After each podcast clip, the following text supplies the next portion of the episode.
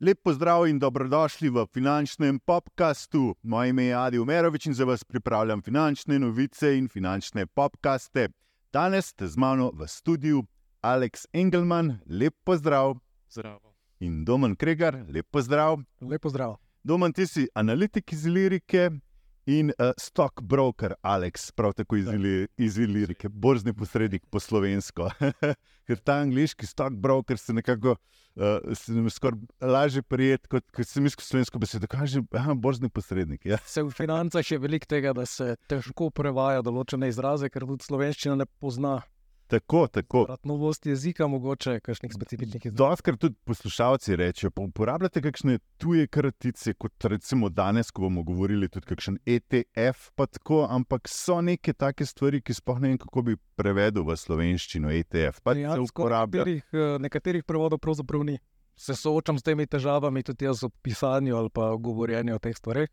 Ampak angliški izrazi so nažalost neka stalnica v finančnem svetu, Tako. pa tudi v Sloveniji. No. Bomo pa poskušali vseeno razložiti tudi tistim, ki morda se vam zdijo stvari zelo kompleksne in težke za razumeti, pravzaprav niso se zelo preproste, in danes se bomo potrudili razložiti vse o slovenski ljudski obveznici, ki s 1.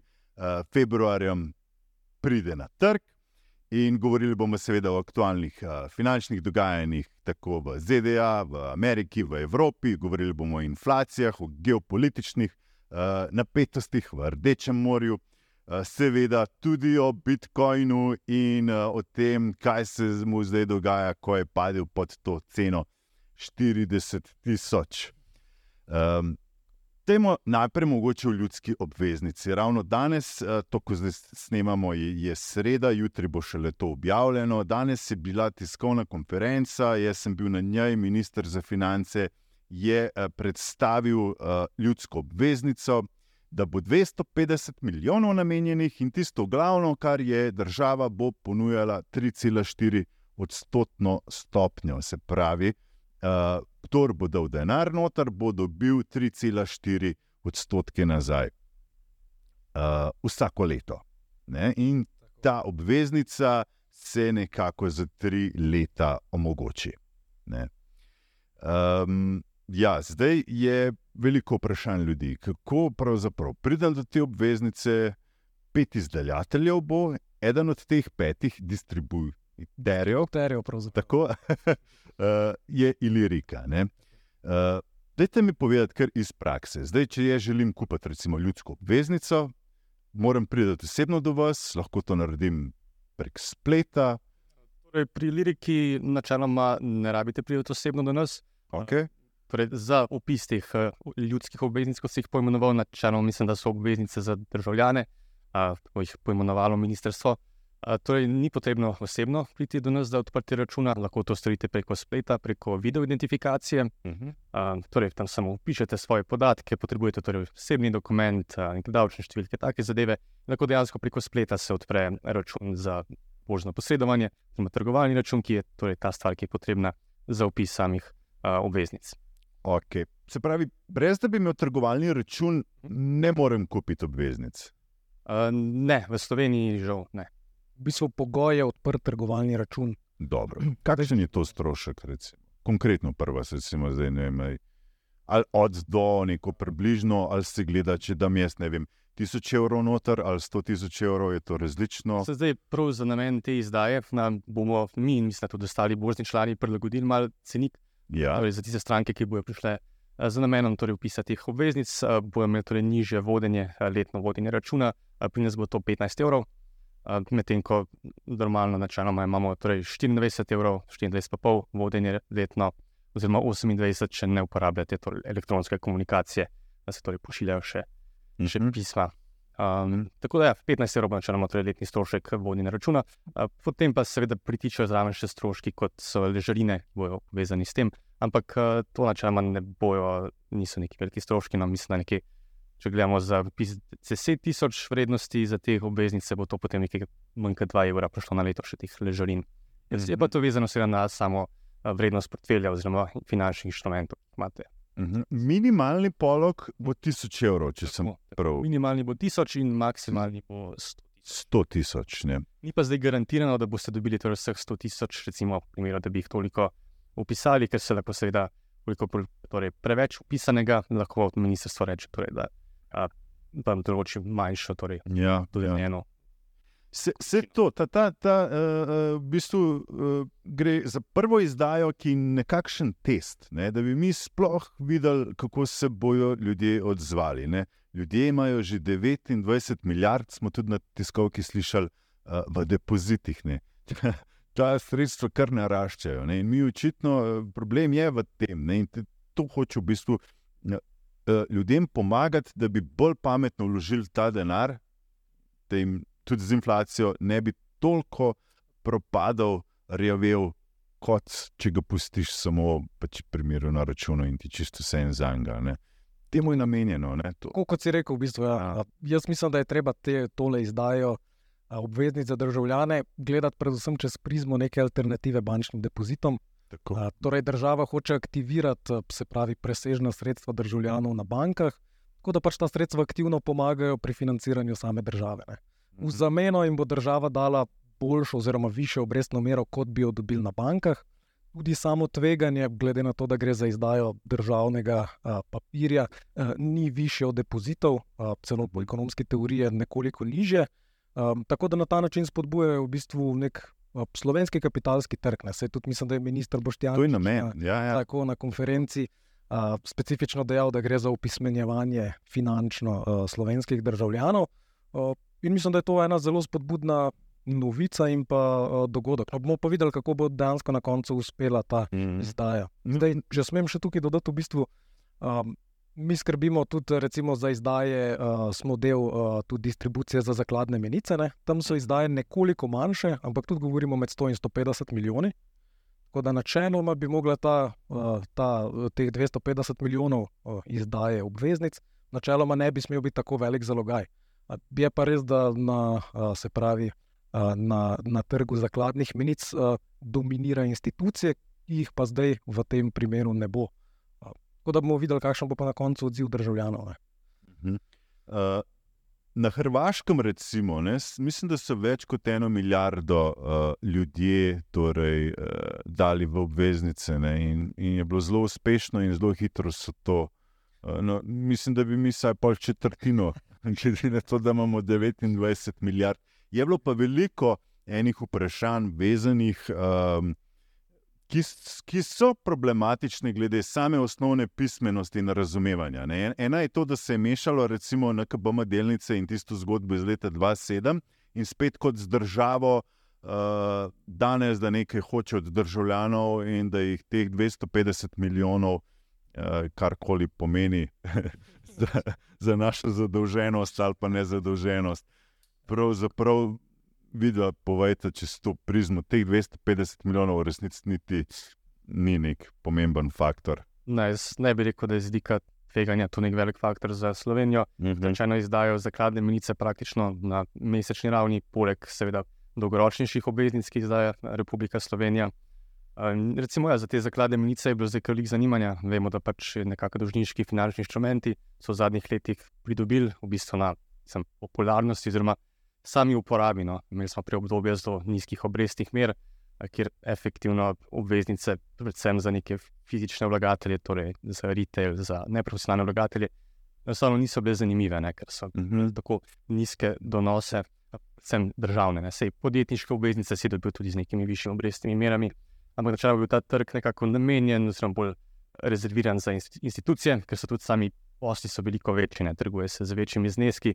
To enostavno je mali vlagatelj težko prišel zraven. In jaz v bistvu pozdravljam neko to odločitev ministrstva za finance, da prova to približati dejansko ljudem in da imajo možnost sodelovati pri tem, da torej, se država zadolži efektivno pri njih, kar je po svoje dobro. Ne, zakaj bi zdaj samo institucije, a, se, mislim, da država zdaj zadrž- zadrž- biti zadolževala samo pri institucijah, se lahko tudi a, pri, samih, a, pri samih ljudeh. In način tudi a, ostaja denar v Sloveniji. So neke druge Mhm. institucije potem a, kupujejo te obveznice, oziroma jih pišejo Tako da iz tega vidika mislim, da je to kar ja. Dobro, kakšen scenarij bi se lahko zgodil, da ljudem ne bi mogli obveznic izplačati? ne? Tudi to sem slišal, ja, pa spomnite se Grčije, ne, tistega takrat. Ne. To, to se je dejansko v Grčiji je, se je zgodilo. Temeljem pogoja je pač plačilna nesposobnost države. Ne? Zdaj, vprašati se je tukaj treba, kaj vse to potegne za sabo v nekem generalnem gospodarstvu. Ne? To je ena ogromna stvar. Um, zdaj, za to, da bi pa recimo Slovenija se recimo, soočala s plačilno nesposobnostjo, zelo mehna, recimo, verjetnost tudi iz vidika tega, da smo del Evropske unije. Pa vemo, da se je tudi Grčijo na koncu rešilo, pa bi se tudi nas, oziroma se takrat je bila zgodba, da, da tudi mi tako daleč pa nismo bili. Uh, ampak načeloma, vsaj jaz mislim, da smo se od takrat nekaj naučili in da tudi javne finance niso tako nestabilne, kot so bile takrat. No. Mislim, da je pač Slovenija, pa generalno tudi ostale države Evropske unije, so vsaj zaenkrat bolj stabilne. Še enkrat, mogoče, če, naverjetno. če res tistim poslušalcem, gledalcem razložimo, ki, ki morda res ne spremljajo finančnih novic. Razlika med obveznico in delnico. Torej, pri delnici ne veš, kaj se bo čez tri leta z njeno ceno zgodilo, pri obveznici imaš zagotovljeno, kaj se bo zgodilo, oziroma ta donos je fiksen 3,4 odstotke, plus ta denar, da dobiš nazaj, ki si ga vložil. Ne? Jaz bi rekel, da v bistvu obveznice ali pa tudi zakladne menice delujejo kot nekako posojilo. Se pravi, stranka oziroma državljan da denar državi in država pod nekimi pogoji vrača ta izposojen denar na koncu uh, državljanom. ne. Vnaprej je določena obrestna mera um, in tveganja, razen plačilne nesposobnosti, kot tukaj ni. ne. Se pravi, je uh, riziko nekako omejen, kar se tega tiče. No. Uh, Mhm. zdaj, sama analogija z delnicami je to je precej drugačen uh, vrednosten papir. Um, ja, najboljše, najboljše, uh, najboljša omemba je ta, da gre v bistvu za nekako posojilo državi, država potem s tem denarjem, uh, se pravi, spodbuja financiranje, Mhm. karkoli že pač uh, uh, je namen. Če uh, gledamo 3,4 odstotno torej obresti na, na to, če bi dali recimo 30 tisoč evrov državi ne, na posojo, bi nam država vrnila teh 30 tisoč, plus vsako leto še okoli tisoč evrov.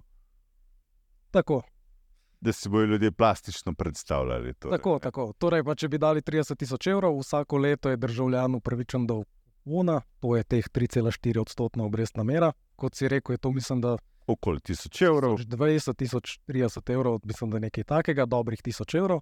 Uh, se pravi, vsako leto, tri leta, bi na koncu leta državljan dobil teh dobrih 1000 evrov, po koncu treh let, ker gre za triletne obveznice, pa bi poleg teh 1000 evrov dobil še vrnjeno glavnico, torej teh 30 tisoč evrov, ki jih vloži ob samem nakupu Mhm. obveznice. ali lahko jih lahko tudi na tem odprtem trgu že prej, torej te obveznice, proda. Uh, ja, to bi moče jaz tukaj vskočil. Uh, torej, obveznice bojo trgovale na Ljubljanski borzi in si bo mogoče povati in prodajati. Tudi bil bo- bil bo vzdrževalec likvidnosti. Torej, vzdrževalec likvidnosti je nekdo, ki stalno stoji na trgu, ni na nakupni in na prodajni strani, torej zagotavlja, da ima sam inštrument uh, likvidnost. Uh, tu bi moče samo omenili, ne, da pač sama cena na trgu te obveznice se bo spremenjala, ne, torej, ne bo, ne bo fiksna. Uh, in je teh 3,4 odstotke, to se spremenja. Torej, če kupite vi potem obveznico na sekundarnem trgu, bo sama cena verjetno ne bo identična kot ob upisu. Ne. Načeloma, torej bliže, ko bo k dospelosti, uh, višala se bo cena in posledično se bo nižal sam donos obveznice. Ampak to je samo, če vi kupujete oziroma prodajate potem na sekundarnem trgu. Tisti, ki je upisal obveznico, ima načeloma so denarni tokovi, kot jih je domen opisu, zagotovljeni. Za t- tri leta. ne? Tako, Mhm. Če pa želiš že prej v bistvu uh, teh 30 tisoč dobiti nazaj, ne, so prej teh 30 tisoč, uh, potem pa lahko že prej v bistvu prideš, ampak boš dobil nekaj manj, ne, kot boš Odpoveš se donosu. odpoveš se temu donosu. Ti Je. sicer nujno lahko teoretično dobiš tudi več. V kakšnem primeru bi več dobil? Recimo? Uh, več bi dobil, če bi se v tem času, recimo na trgu torej obveznic, se nama donos obveznic, če bi se donosi na splošno povišali, torej da bi se uh, po višjih teh obrestnih merah zadolževali, verjetno tudi ta obveznica potem na trgu uh, dobila nižjo ceno in posledično višji donos. Mhm. Kako eh, raz, razložim, in če bo popolnoma jasno. No. A, ampak v bistvu, ko ti kupiš obveznico, ne jo kupiš po neki ceni. In razlika od, te cene, ki si jo kupil, in samega izplačila glavnice, predstavlja že nek donos. Poleg tega, če upoštevamo še, še kupone zraven. No. Nižja kot je cena, višji je potem ta donos obveznice. In kolikor bi se torej obrestne mere globalne tako res spremenjale, bi lahko teoretično tudi v prodaji dobili. Pa koliko bi se pa mogli spremeniti, recimo, obrestne, svetovne obrestne mere? Oziroma, v kakšnih spremembah te govorimo? Sprememba ključnih obrestnih mer. na koliko, recimo? Vsaka sprememba vpliva, zdaj pa samo vprašanje, koliko je pa zelo specifično, ne? na kateri strani. Čisto Za 25 bazičnih točk se že pozna. Če nama se te stvari zelo hitro prilagajajo na trgu, ker Mhm. to vsi spremljajo, so avtomatizirani sistemi, izračuni, ki potem prilagajajo, glede na samo tveganje različnih obveznic, potem njihove cene in donose, v katerih trgujejo. Se mogoče ne rabi dejansko spremeniti obrestno mero, ampak zgolj pričakovanja Mhm. o tem, kaj se bo dogajalo z obrestno mero, že lahko vplivajo na samo trgovanje. Bi pa še kaj eno drugo stvar, stvar omenil in sicer te obveznice ne bodo namenjene institucijam, podjetjem, tujim državljanom, kot smo rekli. In se mogoče iz tega naslova pričakuje, da bodo morda probale kakšne finančne institucije vstopiti v, na ta trg, na sekundarnem trgu. Ne? Mhm. kar bi pomenilo neko povečano povpraševanje in tudi pomeni, da bi se s temi obveznicami več trgovalo. To je bila tudi tema konc koncev te novinarske konference danes, ko je ministr Boštjančič odgovarjal na, mislim, da prav na to primerjavo s hrvaškimi obveznicami. Ne. Tam imajo nekaj težav, so imeli s to likvidnostjo, v smislu sicer se lahko trguje na sekundarnem trgu, ni pa zanimanja za trgovanje. Ne. Mhm. Tukaj, sicer, kot je Aleks omenil, obstaja uh, torej market maker, vzdrževalec likvidnosti uh, na trgu, ki bo zagotavljal, uh, da vedno lahko nekdo proda ali kupi to obveznico. Ampak, če bo povpraševanja več, bo cena še toliko boljša pač na, na vseh straneh, ne, na obeh straneh. Kako pa je z davkom? ne? Um, do 1000 evrov, to smo slišali na tiskovni konferenci danes, uh, smo oproščeni, pravzaprav bojo vsi oproščeni davka. Torej, prej, ko smo izpostavljali 30 tisoč evrov, da bi mogli že potem plačati davek, ne? ker smo čez 1000 evrov. Ne? Bi Na tisto razliko več. ne. Za tistih 20 evrov. Tako, tako, tako. Kakšen davek se mogoče veste? 25%. 25 Gre pa za procentov od, od 20 evrov, tistih, če bi Tako. bilo 1020 evrov, torej 25 odstotkov 20 evrov, je 5 evrov davka Gre za davek na prihodke iz obresti. iz obresti. Tako. Je pa pač ta davek zdaj bil usklajen z tem, uh, skrajšava za zakon, če imaš mogoče zapisano. V glavnem zakon o obnovi je bil sprejet, ko da bo Slovenija, se pravi, vsi finančni inštrumenti Republike Slovenije Mhm. bodo izdani letos, naslednje leto in po naslednjem letu, 24, 25, 26, bodo predmet te obdavčitve. Se pravi, do 1000 evrov, načeloma ne bo uh, davka od prihodkov obresti, za naprej se pa pač potem ne ve. Ne. To je To je samo, če trguješ na slovenskem, To je samo za finančne inštrumente, ki jih izda Republika Slovenija. Torej, zakladne menice, pa te obveznice. aha, to dvoje, To dvoje. Ja. dobro. Uh, pri zakladnih menicah, ki ste jih zdaj že enih parkrat izpostavili, ne, so se skozi nazaj na ljudske obveznice vračal. Zakladne menice tudi niso čas zdaj dostopne, ne? država jih občasno jih da ven. Načeloma izdajo, so izdali koledar že za letošnje leto, tudi bila je že prva izdaja eh, v januarju. Eh, Mislim, da so praktično vsak mesec, oziroma ne čisto vsak, no, eh, imamo nekako tri ročnosti, ki so izdane, torej tri mesečne, šest mesečne in pa dvanajst mesečne, in pa osemnajst, no, ti so pa samo ene, dvakrat oziroma trikrat na Ja. leto. Izdano so malce posebnost našega trga, bi lahko rekli. Uh, ja, kot je domno omenil, uh, zdaj tega davka, tudi ta prvotna izdaja, ki je bila januarja, skladnih menic, bo torej tudi padla pod to davčno obravnavo na ta način, in pa seveda vse prihodnje, ki bodo izdane v tem letu. Mhm. Le bi še eno stvar omenil, zakaj omenjamo te zakladne menice, mogoče za poslušalce. Ja. V bistvu zakladne menice pa obveznice spadajo pod isti vrednostni papir, nekako, Mhm. samo da so zakladne menice znotraj enega leta ročnosti, torej 3 mesečne, 6 mesečne, 12 mesečne. Če je pa dalj ča, daljše časovno obdobje, pa govorimo o obveznicah. zato se tokrat vračamo na zakladne menice, Mhm. se pač. Ka, kakšen odstotek se pri zakladnih menicah da dobiti? Zdaj na zadnji izdaji so bile 3 mesečne, pa 6 mesečne 3,2 odstotka, 12 mesečne pa 3,22 odstotka donosa. To je bilo januarja, v sredini januarja. Ok. Um, dobro, tu bi s 1. februarjem se pravzaprav že prvi nakupi lahko izvedejo. Ne? Torej, lahko dajo Od 1. do 16. februarja bo, poteka upis. Tako. bo potekel upis. Torej, v tem času lahko tisti, ki imajo odprte trgovalne račune, oziroma jih v tem času odprejo, podajo torej svoje ponudbe za upis. Aha, torej, samo ponudbo bomo boš lahko dal v, tem, v teh 16 dneh, 15 dneh, dveh tednih. Tako, potem, po izteku teh ponudb, mislim, da 16. bojo pa potem dejansko poravnane oziroma dodeljene samim upisnikom. Mhm, mhm. A, Zdaj, kot smo omenili, ne, ni, ni nujno, da boš dobil točno tako količino, kot jo na začetku pišeš, v primeru preupisa, seveda. Ne. Zdaj, koliko se bo to zgodilo, ne vemo nam. A, Upamo, da, da bodo vsi dobili torej, zadostno količino votov, ki so jih dejansko upisali. A, a sicer uh, je kakšno zanimanje, ga, ga že vaš dolg že kliče, ste že uh, imate kaj povečano število klicev na to temo. Uh, pričakujete, da bo naval na to, ali da bo šlo to kar mimo? Vajno osebno mnenje. čisto. Jaz na borznem oddelku lahko rečem, da imamo kar nekaj zanimanja, ampak tudi nekako se je začelo s temi zakladnimi menicami. Uh, se mi zdi, da več ljudi se je odločalo torej, za to vrste naložbe. Uh, tako da, ja, def, definitivno je več zanimanja, uh, s tem namenom tudi mi tudi razširili, prej smo omenili, torej, lahko preko video identifikacije odprejo ljudje. Imeli bomo tudi možnost torej, pri določenih poslovalnicah Pošte Slovenije, da dejansko ljudje tudi odprejo račune in oddajo torej, eh, svoje ponudbe za opis. Mhm. mesec. Bi se znalo zgoditi, da teh 250 milijonov ne, eh, ne zapolnimo. Lahko se zgodi, jaz bi predvsem rekel, nekaj sem imel na Hrvaškem, da je tako velika izdajanja, tam ni bilo dejansko omejitev na posameznika, koliko lahko piše. Ne.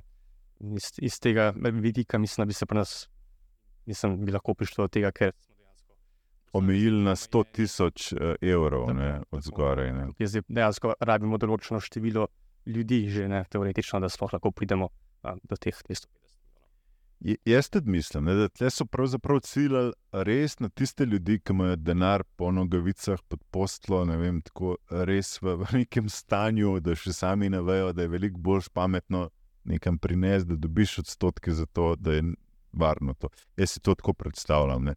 In uh, očitno je tega zelo veliko, ne, da je ta denar dislociran oziroma no, vsako. Jaz se strinjam. Ja. Bi pa znal biti res ta problem zgornje omejitve, ker to tako načeloma je v interesu kupiti obveznico, recimo ljudem, ki imajo recimo, več premoženja, zaradi tega, ker gre za varno naložbo. Ne? Mhm. In je pač bistveno lažje se spiti z nekim večjim zneskom, da ga vložiš v obveznico, kot mogoče v kaj drugega.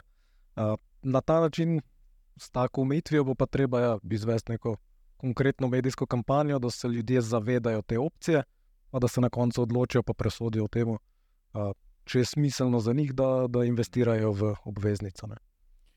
Toliko obveznic. Dajmo zdaj le mečkam pokomentirati, kaj se v svetu dogaja, kako to vpliva tudi seveda na naše finančne trge in tudi uh, na svetovne trge. Torej vidimo v uh, ZDA, kjer so obresti zelo visoke, 5,5 odstotne, da dosegajo trgi uh, all-time high, se pravi zgodovinsko visoke vrednosti. Na drugi strani imamo Kitajsko, kjer so začeli uh, s tem kvantitativnim uh, sproščanjem, ne, da se pravi, ulivajo 250 milijard evrov noter v sistem. Istočasno vidimo njihove delnice, da so nekje na rekordno najnižjih vrednostih v zadnjih desetih letih. Um, ja, zani zanimivo dogajanje. kako bi ga opisala, kako gledate na to, kar se trenutno dogaja v svetu? Ne oba dva od enkrat. Mislim, da, uh, mislim, da ja, sami indeksi ameriški, mislim, da imajo že od lanskega leta začeli računavati tole uh, Fedovo prepričanje o tem, da bodo spuščali obrestno mero, ne, to je Ja. Fed, ameriška centralna banka. Mhm. In tako smo lahko opazili, da že ja, konec leta je bila že kar neka zabava na delniških trgih. Tudi celo lansko leto so bili donosi ameriški izjemni, uh, pa ne samo ameriški, ne se tukaj mogoče velikokrat izpustimo tudi slovenski trg.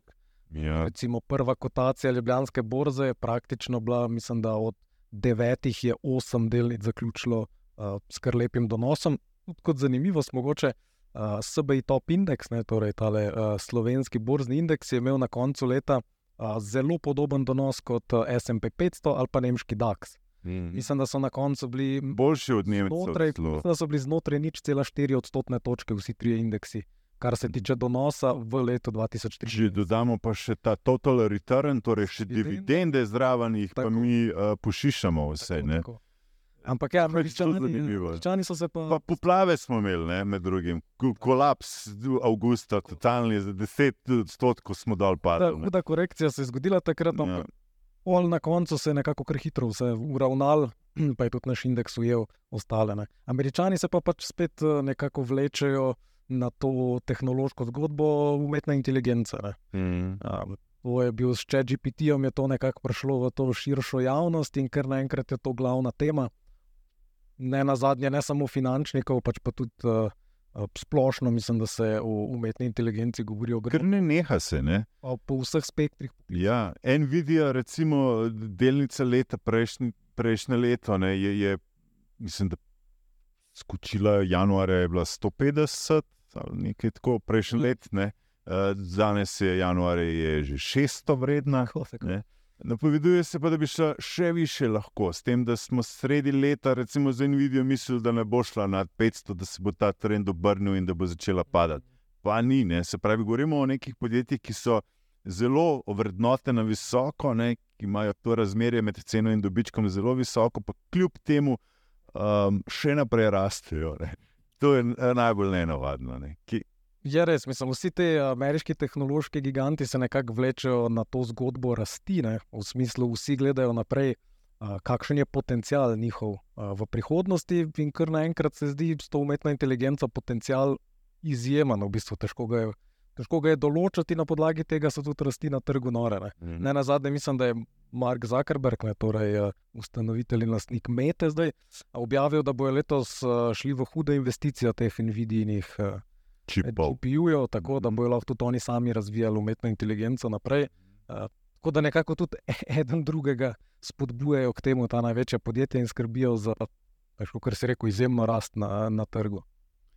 Kaj se pa s Kitajsko zgodi? Zdaj, če, če gledamo ta dva grafa, to je kot tista krokodilja usta. Ne? In pravijo, ko se ta krokodilja usta naredijo, to se nekje zapre. Ne? Se pravi, ali Kitajci gor ali mi dol. Ja, tako, tako. Uh, Mislim, ja, da, jaz sem tudi malo spremljal tale uh, vaš svetov portfelj, sem videl, da ste kupili Alibaba. Ali babo, ki nam 20-odstotni minus dela. Ne? Delnica, ki je najbolj zabredla v minus noter. A Seveda jo nočemo prodati, ker vemo, da ima potencial, da se to vrne nazaj. Ampak eh, smo zelo živčni zaradi te del. Mislim, živčni. Nismo živčni, ker, ker ne je upravičeno, ampak je res velik minus. Ja. Drži, drži. Mislim, tako je, saj, če se pogleda graf, mislim, da je Alibaba začela trgovati na newyorški borzi nekje 2015. Mhm. Ja, In če se pogleda zdaj celo zgodovino, je bilo bore malo dni oziroma tednov, ko je bila cena tako nizka, kot je zdaj. Ne. Ja. In zdaj neko temeljno vprašanje je, tako podjetje kot je Alibaba, ali bo obstalo in se bo v prihodnosti širilo tudi naprej. In če je odgovor ja, je potem to ena zelo dobra cena, oziroma nizka cena Mhm. za samo delnico. Je pa tukaj problem tveganja teh eh, informacij iz Kitajske. ne. Eh, Zdaj, če se pogovarjamo, mi trije tukaj v Sloveniji o sami Kitajski, jaz tam še nisem bil, recimo, ne vem, kakšno je tam dejansko stanje. Ne. Odvisni smo od nekih informacij, ki jih dobimo od socialnih medijev, mogoče medijskih hiš. Mhm. In je težko oceniti, zdaj, katere informacije so v resnici prave. Ne. Mhm. Vem, da v preteklosti so tudi američani velikrat polemizirali uh, objave statističnega urada na kitajskem. Ne. So Mhm. potem se začeli spuščati v te same številke, pa hitro odkrili, da stvari se ne ujemajo najbolj, ne, tako da bi znali tudi uh, sama kitajska partija, ne, uh, mogoče malo ulepševati situacijo. Ne. Mhm. Ja, tako da to se mi zdi največja nevarnost, zdaj, kaj, se, Ja, kaj se v resnici tam dogaja, in pa pač ta geopolitika. Odnos do Tajvana je tudi vedno, vedno nekako problematičen. Ne. A, a bi lahko to uh, njihov ta kvantitativ easing, uh, kvantitativno sproščanje tega denarja v njihov finančni trg uh, vplivalo tudi na našo inflacijo, ki jo imamo na zahodu, Hm. na dolar, evro. Mislim, ja, oni so začeli uh, kvantitativno sproščanje, kot si rekel, s tem spodbujajo gospodarstvo. Kar pomeni, njihova centralna banka tiska denar in ga namenja za to. Ne? Tako, sam, mislim, ni, uh, jaz sem drugač bral nek uh, del, da so oni spustili, se pravi, prag, uh, koliko denarja banke potrebujejo imeti uh, kot varnost. Uh, se pravi, uh, banke so v bistvu so sprostili to bančno zakonodajo, zato imajo zdaj banke več denarja, da ga lahko sproščajo na, na trg. Mhm. Malo so razrahljali te, recimo, dosti stroge omejitve. Uh -huh. A, S tem naj bi več dobili denarja. Kar si rekel, ja, mislim, da slabih 300 milijard je namenjenih tudi za spodbujanje neposredno delniškega trga njihovega. Uh -huh. Pa tudi pred kratkim so prepovedali prodajo na kratko. Ne, torej Tako. Tako. Jack Maju so ukazali, da mora spet delnice ali babe Drugače kupovati. sem pa videl, da sta in Jack Ma in uh, Joe Tsai, ne, ki sta soustanovitelji Alibabe, Ja, da bi v lanskem letu kupila skupaj za 200 milijonov delnic. Ne. ja. Sam po drugi strani sem pa tudi videl, da jih je Jack Ma isto v lanskem letu tudi prodal. Ja, to nikoli ne veš, če so davki v zadnjem. Ampak, ja, v glavnem um, se jim dogaja veliko. Kaj bi to, mislim, to lahko, predvsem njihovo valuto, se pravi, juan, kitajski, ohromi, eh, lahko oni doživijo ful visoko inflacijo od enkrat, ali lahko to tudi mi začutimo, se pravi. Mislim, tako veliki premiki, kar se teh makro stvari dogaja, običajno ne grejo kar takoj. ne. Čez noč ne. Tako, je nekaj časa potrebnega. Ne. Zdaj, če vzamemo primer, kar se nam je dogajalo pri nas na Zahodu, ko je centralna banka šla v kvantitativno sproščanje, recimo evropska in ameriška, to se je dogajalo po 2008 in tistem zlomu finančne krize. Da smo mi imeli realne probleme v gospodarstvu, so se pojavili šele nekje po desetih letih tega početja. Ne. O se nam je zgodil COVID in to je bil tisti Pika na i. pika ne, na i, ja. ki je sprožila vse, in takrat so se odločili. Takrat smo pa še več natiskali denarja. Ja. Tako da neke instant rešitve, ne, tudi zdaj za sam trg, delniški, zdi se, če so te podatki realni, pa če je to zares se grejo v tako, tako spodbujanje gospodarstva, bo to dobro vplivalo na njihov delniški trg. Težko je pa reči, zdaj, kdaj in v kakšni meri se bo dejansko to preneslo na trg. ne. Mhm, A, mhm. Bi tudi konec koncev z inflacijo in ostalimi a, stvarmi, ki pritičejo na tem. Mhm.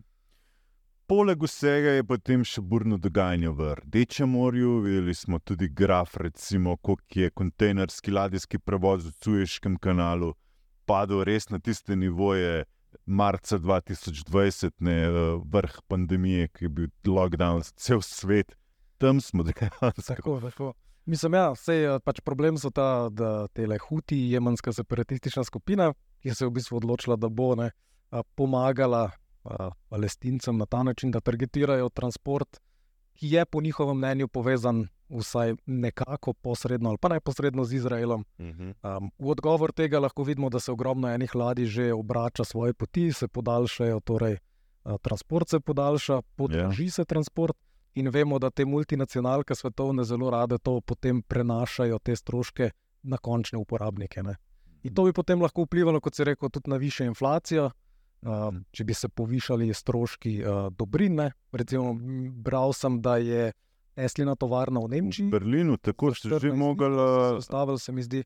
Zaradi uh, v bistvu dobavnih poti. Tako, to je bil problem. Ne, ne, ne, ni sam se pravi ta rizik, da bo daljše, da bo dražje, ampak tudi dobavne Dejansko jih ne morejo. Ja. so se začele rušiti. Tako, tako. Isto je Volvo objavil, ne? tako da tovarne Ja. imajo nekaj, zdaj se malo zapirajo, in na koncu se bo to preneslo na nas, Zdaj, pač na navadne ljudi, ki pač potrebujemo te izdelke in jih plačujemo. To pa slabo vpliva seveda na inflacijo, kar pomeni, da imajo mogoče centralne banke bolj zavezane roke pri morebitnem spodbujanju gospodarstva in pa to znižanje obrestnih mer, ki je že všteto recimo do neke mere v ameriškem delniškem trgu Ja. se mogoče odmika vem, po časovnici nekoliko bolj v prihodnost. Uh, Tako, marec ni več na mizi, sploh ne. Marčevsko nižanje obrestnih mer. malo so stvari negotove. Ne. Je pa zdaj vprašanje tudi uh, v, v nekem širšem pomenu. Zdaj te, te, se pravi, to Rdeče morje je bilo predmet uh, uh, nekih napetosti, oziroma že prej zaradi takrat somalijskih piratov. Ne. Mhm. A, tako da te dobavne verige so že velikrat be- bile pod pritiskom. Bomo videli, kako na koncu, kako velik pomen bo imela v nekem širšem pomenu. Ne. Mhm. Zaenkrat definitivno se pozna, uh, mislim, pa še kritično ni, no, bomo pa videli v prihodnosti. Nafta je nekje na tistih uh, 8, brend, recimo 78, uh, se že kar nekaj časa vrti, ne? kljub tem geopolitičnim napetostim. Tako tam, ni, ne, ne, ni je- nekega ekstrema. Ne. Da bi ja, poskočilo, da bi se to Tako. blazno. Mislim, da se v bistvu čaka tukaj zdaj na neko malce širšo rešitev, pa koliko časa bo ta. Dejansko, kako velik vpliv bo imelo vse to, vse to dogajanje, glede transporta uh, na, zab- uh, na dobavne verige. Uh, Zaenkrat pa ja, ni pretirane reakcije, se pa zdi, da ja, se čakajo verjetno nekoliko povišanje cen nafte, vsaj uh, recimo v naslednjih mesecih. Mhm. Tako Da, ja. Um, dobro, se dotaknemo še uh, malo kriptosredstev.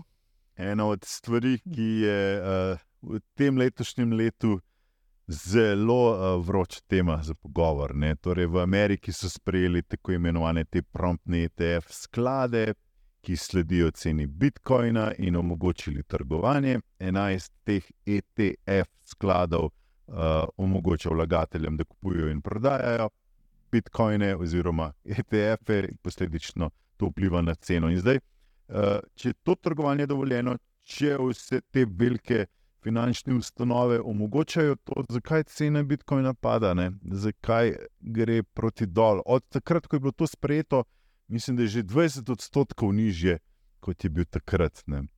Ja, zdaj mislim, da je v bistvu par razlogov za vse tole dogajanje.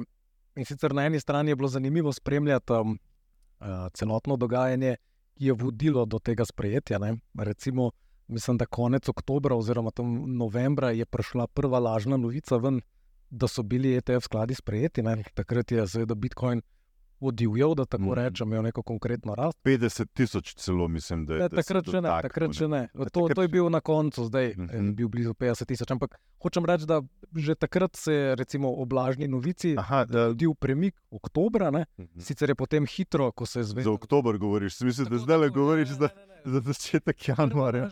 Ja, ja, je bilo že takrat točno. Ja, se je, takrat, se je nekako, takrat se je začela ta rast, v bistvu ja, ja, ja. 60-70 odstotkov.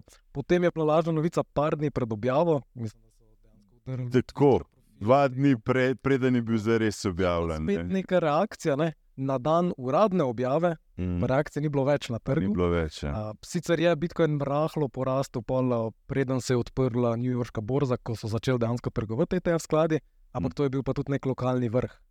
Mhm. potem so stvari začele padati. Po mojem mnenju je stvar precej, a, oziroma v tem, da so si vsi ti ustanovitelji ETF skladov že vnaprej pripravili dovoljšno zalogo za zanimanje, da so kupovali to a, Bitcoin, se pravi na trgu že odprej, in so lahko to zanimanje začetno v bistvu financirali sami. Ne. Niso rabili zdaj nekih hudih količin Bitcoina kupovati na odprtem trgu. Mm, Torej, na neki povpraševanju, strani povpraševanja ni bilo uh, mogoče tako velikega povpraševanja, kot smo si Mhm. predstavljali. Uh, na drugi strani pa je tudi ta zgodba z GBTC-jem, torej Grayscale Trust se pre. Uh, To je eden od teh enajstih ETF-ov, je Mhm. Grayscale. Ne? Grayscale je bil pa v igri že davnega leta 2015, recimo, Tako, ne že prej. Ja.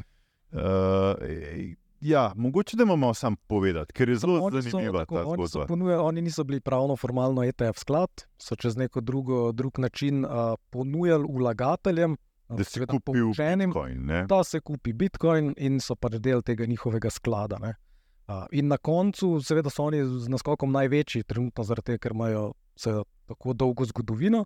Um, kar se je pa zgodilo, je, da ko so se oni preoblikovali v ETF sklad, uh, so ljudje ugotovili, da ima pač Grayscale bistveno više stroške od ostalih uh, in so uh, drli, se pravi, ven iz uh, Grayscale sklada, mogoče tudi odprodali uh, za vsaj trenutek naložbo, glede na to, da je Bitcoin uh, rastel, ali pa so uh, kupovali, se pravi, uh, Bitcoin ETF-e druge, ne, Mhm. zaradi, teh, uh, zaradi stroškovnega vidika. Uh, Tako da na tej strani je bilo pa povečano neka a, povečana ponudba na trgu, a, ko so ljudje prodajali. A, Na drugi strani pa, kot rečeno že prej, zaloge od prej teh največjih izdajalcev a, ETF skladov pa so omogočale, da niso a, rabili na odprtem trgu tudi Mhm. kupovati samega Bitcoina. Ne. Ampak ta Grayscale, GBTC, oni imajo trenutno, če gledamo od vseh teh 11 ETF-ov, mislim, da 90 odstotkov skoraj vseh Bitcoinov. Ne? Oni so tisti ta največji slon v porcelanasti sobi. ne. Tako, Mogoče tako. imajo Ampak- 85 ali pa 84, ampak hočem reči, res izrazito več kot vsi ostali. Ne? In so najdražji, torej se bojo drugi, se pravi, selili nekam kunim cenejšim, uh, istočasno bojo pa, kaj bojo zdaj vse te bitcoine mogli prodati, pa jih ponovno kupiti, bi potem cena lahko padla. Bolj še nižje, Jaz ne mislim, da bo potem eh, Mislim, da ne bo tako ekstremno, ker del tega prodajanja, mislim, da je bila tudi ta zgodba z FTX borzo, pa stečajno maso. Uh, Ker sem si jaz bral, so, je tudi FTX, uh, torej upravljalci stečajne mase, so odprodali vse uh, zaloge, ki so imeli investicije v GBTC-ju, tudi to je bil del tega, recimo, velikega prodajanja. Uh, pa mislim, da se bojo na koncu te stvari uravnale. No. Mislim, da ni nobenega nobenega res črnega scenarija, da bi zdaj bilo to ne vem kako katastrofalno na samo ceno. Treba je vedeti, da so kriptovalute pač same po sebi uh, zelo volatilne in da pač taki premiki zdaj niso nič posebnega. Ne. Mm. Mislim pa, da na dolgi rok so te ETF-ji zelo pozitivna novica za Bitcoin, predvsem mogoče bojo v prihodnosti sprejeti še kakšni drugi ETF skladi, pa govori se recimo o Ethereumu. Mhm. In to na koncu bo seveda povzročilo neko povpraševanje uh, za predvsem finančne institucije, ki prej niso imele dostop do tega, ali pa upravljalce premoženja. ne. Z- Precej lažje je upravičiti naložbo v ETF sklad, ki ga izdaja recimo BlackRock, uh, kot pa je bilo prej kupovanje na neki borzi Ja. sumljivega izvora, pač, Mhm. da se tam kupuje Bitcoin.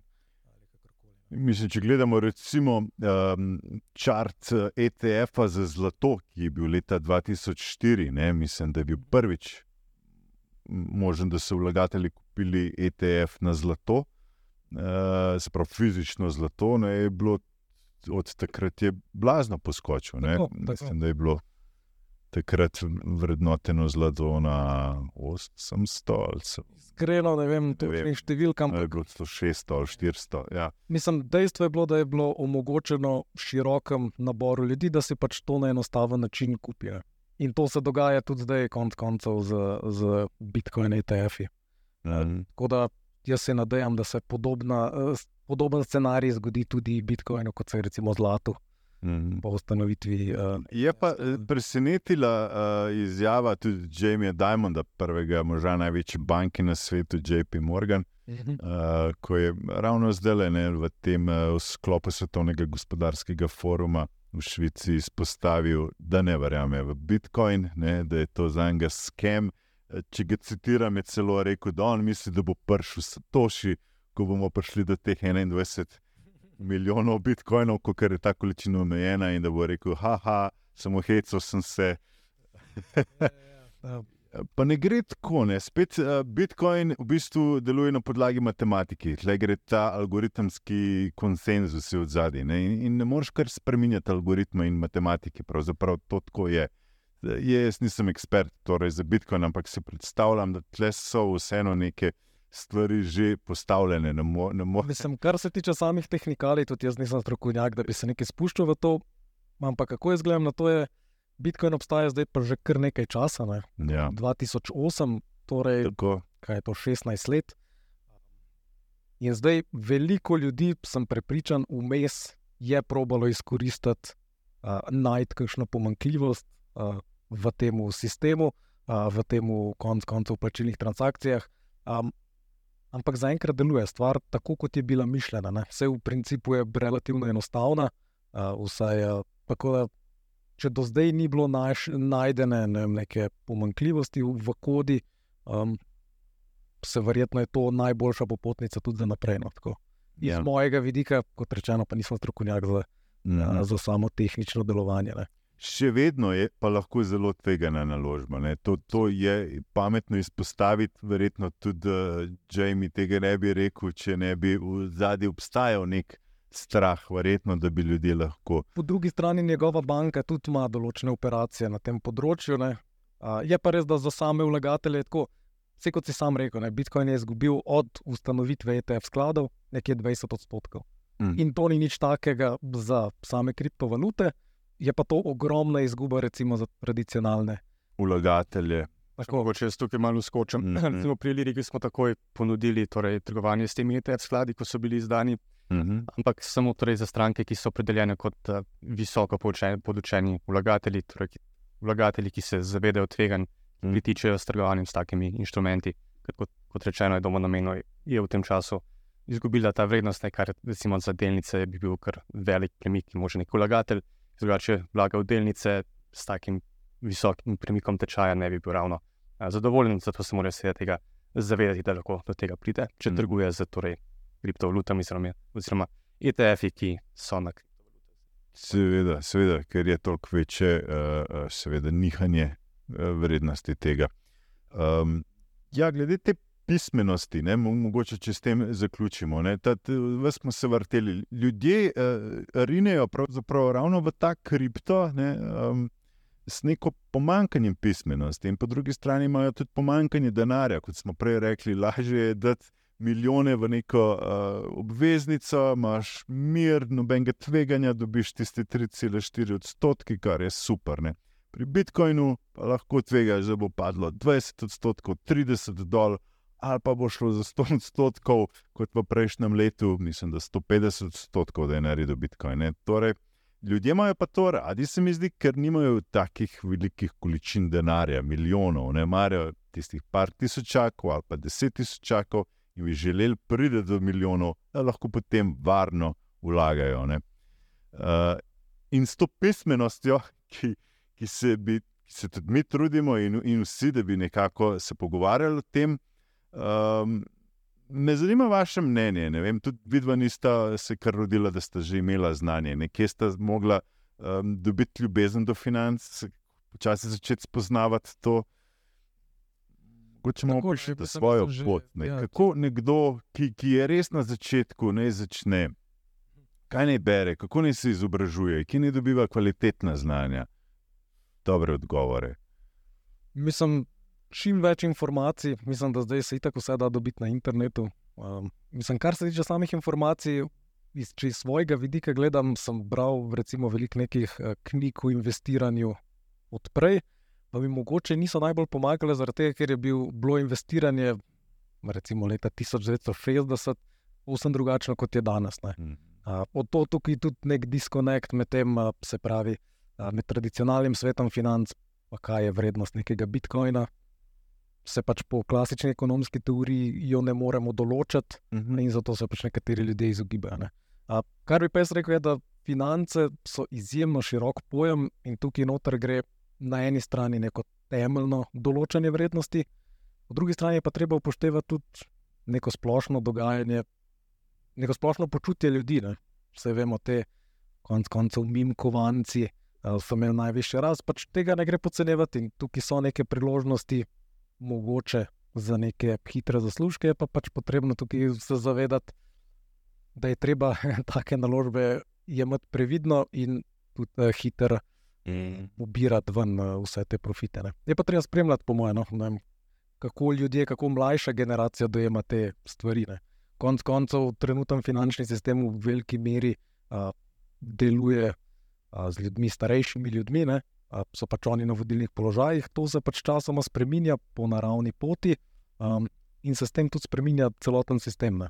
Ja. Tako da se na ta način tudi uvaja neke druge, drugi načini investiranja, pa neke zanimive investicije, ki jih mogoče prej eh, ni bilo. Uh, ki se prek knjigo omenil, predvidevam, da še Warren Buffett oziroma uh, Grema, uh, Intelligent Investor ali kaj takega. To si bral v teh 60-ih. Oziroma, ja, um, tudi so kar težke knjige. V bistvu moraš imeti že neko malo ekonomskega znanja, če se hočeš prebiti čez to, vseeno. ne. Um, to, so, ampak, ja, to so dobre knjige, ki imajo vse ogromno enega, enih podatkov, uporabnih podatkov, jih je pa treba dati skozi neko prizmo časa. Ne. Duh časa je pač danes drugačen, kot je bil 50 let nazaj, ja. in to se pač pozna na investiranju. Je še kakšna taka knjiga, vem, ki, ki ti pade na pamet, da bi Hm. jo izpostavil, vem, da, da ti je pomenil mogoče modernejša različica. Um, samih financ sem se jaz bolj fokusiral na recimo bolj ta tehnično analizo aspekta. Uh, um, kar se pa tiče razmišljanja, mislim, da je zelo dobra knjiga ta uh, Random Walk Down Wall Street. Uh, je ena izmed bolj znanih. Peter Lynch je to. Verjetno, ne vem, zdaj iskreno sem pozabil veliko naslovov, pa tudi uh, pisateljev. Uh, drugače pa ne vem, iz vidika investiranja, pa če koga zanima tudi mogoče bolj trgovanje, uh, se je pa mogoče dobro tudi fokusirati na sam, um, recimo, miselni aspekt tega. Ne? Se pravi, kakšne knjige, ki ne govorijo neposredno o samem trgu, uh, ampak mogoče o načinu razmišljanja ljudi. Ne? Mhm, Ta Zdaj- psihološki pristop pri investiranju, je tako ključen. Ne? Tako, kako sebe spoznaš, kdaj boš dobre odločitve znal sprejeti pri trgovanju, ali pa konec koncev druge v življenju. Ne. Mhm. Mislim, da dobre knjige, sam spet točne naslove pozabil. Um, je uh, recimo mišljenje hitro in počasi, in nekaj takega. Mhm. Uh, Okej. Se razpane, so vse te zelo znane knjige, uh, ki jih lahko gledalci najdejo Ja. na, uh, na internetu. No. Uh, ne vem, ne spomnim se točnih naslovov. za to. Mhm. Dobro. Uh, Aleks, imaš ti kakšno še uh, tako zgodbico, kako si ti padel v finančni svet? Oziroma, Aha, V bistvu se zelo malo poznava že iz gimnazije. Mislim, da smo takrat nekako a, preko kriptovalut se seznanili z temi osnovnimi koncepti trga, torej nekimi knjigami naročil, kako deluje premiki ja. tečajev. Tako da je zanimivo, da v bistvu nismo imeli v sklopu šolskega sistema, se nikoli nisem predtem eh, srečala s tem. Ne. Smo Mhm. Nekako vse to sami odkrivali. Uh, potem pa na faksu sem se nekako usmerila, tudi jaz in domen, mislim, da bolj te finančne, finančne vode. Mhm. Je pa res, da nekako priješ potem in dejansko delaš v tej industriji. Prav kripto je bil tisti uh, ljubezenski trigger, da, da, da vam je rekel, wow, pa to je pa zanimivo. Kripto je nekako odprl obzorja, ne vem, Ja. zakaj, ampak Pandorina skrinjica za vse. 16, nekako ne razmišljaš o delnicah, pa trgih in takih stvarih. Ne. Ja, Medtem kot, ja, kot smo omenjali, kripto je nekaj takega, ki je veliko bolj a, zagrabilo mlajšo populacijo. mhm. sami torej, z internetno kulturo, povezave in te stvari. Uh, mislim, da se je veliko malce bolj privabilo tudi posledično potem v finančne vode in same delnice vsekakor. Jaz imam to vedno pred očmi, ko se mi pogovarjamo o neki ljudski obveznici in nekih dolgočasnih 3,4 odstotkov. Za pravega kriptovlagatelja to 3,4 ni nič. Ne. To, je, to se sploh ne, ne obrne, mislim, niti telefona ne odpre. je. Um, Zaradi tega me zanima, mlajše generacije, ki so na to volatilnost bolj um, pripravljene in si jo želijo in upajo tvegati, tle ta ljudska obveznica jim ne bo dišala. To je res bolj za tiste starejše ljudi, ne, ki niso starejši, tudi jaz sem že star. Ta ljudska obveznica pač targetira ljudi, ki imajo preveč denarja in ga pač puščajo na banki. Ne? Zdaj, mlajša generacija ima, mislim, da pri nas eh, v Sloveniji druge probleme kot to, Ja. kam z denarjem prevečnim na banki, uh, ker so pač drugi stroški tudi tako uh, višji. Mhm. Tako da pač ja, obveznice niso zdaj neka super, uh, super zanimiva investicija za mlajšo populacijo. Ja, Strinjam, ja. Ja, mogoče pa bo kaj več uplačila v to, pa kaš- kakšno manj eh, stanovanje kupljeno za vdajanje, pa bomo potem vsi na boljšem. No, še ti kakšno Aleks knjigo, kakšno tako stvar, ki bi jo izpostavil, gledal sem, da jo preberejo ali pa. Um, Mogoče sem hotel še povedati, no, kar sem rekel, Mhm. da torej smo na faktu se dosti s tem spoznala. Je pa potem nekaj druga, ko dejansko prideš in delaš z ljudmi, ki so v tem poslu že nekaj časa. Ne? Ja. Največ se naučiš efektivno od njih. no. V praksi, ne. v praksi, a torej izkušnje ljudi, ker tudi ti, ko se učiš v trgih, pa v delnicah, veliko je v bistvu nekih preslikav ameriškega trga in njihovih konceptov. Pri nas vemo, da je ta trg še bolj v razvoju, se trudimo ga razvijati tudi s temi izdajami obveznic. Recimo. Um, ampak enostavno ni potem vse isto, nekako moraš eh, pri, prilagoditi, moče pomanjšati naš primer, torej Slovenije, naš trg. Ampak po svojem ima pa tudi svoje specifike, naš trg, slovenska božja, mislim, da to meni omenilo naša podjetja. So zelo, zelo privlačna. No. Ja, izjemno, recimo delnica leta NLB je imela tak donos, kot Nasdaq, ne, mislim, če 40. Ne. Uh, Tako, wow, ne, ko Ja. si rekel, kva, pa to je teh, preko, mislim, boljš kot teh smo mag- dolgo dostopni za neke tuje vlagatelje. Ja, V ja. samih fundamentih, ne, pa, pa tudi nekih eh, teh kazalnikih, so naše delnice v primerjavi z tujimi zelo podcenjene. ne. Ampak Ja. enostavno ni, ni toliko poti, ni toliko zanimajo tudi naše moče ocene eh, samega našega trga za nekatere tuje sklade. Niso take, ki bi omogočile, da dejansko vlagajo v nas, ampak zdi se mi, da v prihodnosti lahko v tej smeri samo na boljše in se bo povečala dostopnost dejansko tudi tujega kapitala. Ja, veliko je bilo nekih ne, stvari, ki se vlečejo že od nazaj, od tistih balkanskih delnic, NKBM-ja, ne, nekih zgodb, ki res neko slabo luč mečejo na investiranje. Kar investiranje absolutno ni, je lahko zelo zabavno, zelo uh, učinkovito in ti izboljša tvojo finančno sliko dolgoročno, absolutno ti jo. In sam to pravilen pristop je treba izbrati. Ne? Se pravi, na neko, kar ste videli v študentskih, oziroma še pred tem letih, se soočala s kriptom, um, danes mogoče že ogledujete si obveznice, ne vem, ali pa kaj, kar je bolj manj tvegano. Bolj... In, in to je tudi prav, se mi zdi. Ne? In vse je prav, da, da ljudje dajo čez, ampak nek pravilen pristop, da začnejo. Ne? Mislim, ljudje morajo biti seznanjeni z vsemi možnostmi, ki jih ponuja trg, on se pa pač lahko sami odločijo. Če je pač uh, neka komunikacija dovolj dobra, če so podatki prst, pač predstavljeni, se pač ljudje potem na koncu sami odločijo, kaj so pripravljeni sprejeti, kakšno tveganje in kakšen je pričakovan donos. Ne. Na koncu mislim, da se ja, potrebno je uh, izobraževati ljudi in pa dati dovolj. Dovolj nekih podatkov. Ne. Tako. Se pa strinjam, pač, ja, da je zdaj, sej, s to izdajo obveznice Slovenija stopa korak naprej. No. Mislim, da gre prv, za prvo tako izdajo. Po 20 letih. Ne, Tako. tako, kako, ja. In to mislim, da je bilo že nujno. no, tako. Ja, celo, celo leto, lansko leto smo jo napovedovali, pa se ni zgodila, tako da prav veseli smo, ne, da letos smo pa to doživeli. pa je vse Upajmo, da se premakne in to zaupanje, in da ljudje začutijo in vidijo, da, da, da res ni um, bav, bav, pravzaprav investiranje, in da na neki drugi strani ni nek človek, ki ti pa želi zdaj pobrati ta tvoj denar, ki ga želiš investirati. Da je veliko slabše, no, da pustiš denar v neki nogavici ali pa kar nekje sam na depozitu, pa ti čisto vse en zangane. Če skrbimo za telo, ne, za zdravo hrano in počutje, da imamo še za denar. Tako nekako. Domen, Aleks, hvala lepa, ker ste bila moja gosta danes. Naj, naša ura se je iztekla. Mislim, da je bil zelo zanimiv podcast, da smo v bistvu tudi pripomogli malo k tej pismenosti, razumevanju. Eh, Zagotovo nismo mogli čisto vsega pojasniti, zato upam, da boste še kdaj gosta, da se boste odzvala v bilu. Um, Zaenkrat pa Ja, Hvala lepa za povabilo. In mislim, da je bil en super pogovor. No. Upam, da so tudi Absolutno. poslušalci delijo to. Hvala vam, uspešen teden še naprej, do naslednjič. Ne. Spoštovani gledalci, tudi vam želim lep in uspešen teden še naprej. Spremljajte nas vsak četrtek z novim finančnim podcastom v sklopu informativne oddaje Svet na kanalu A. Vsak ponedeljek in ob torkih lahko berete moje finančne komentarje na spletni strani 24.com. Hvala lepa za vašo pozornost in lepo zdrav. Please.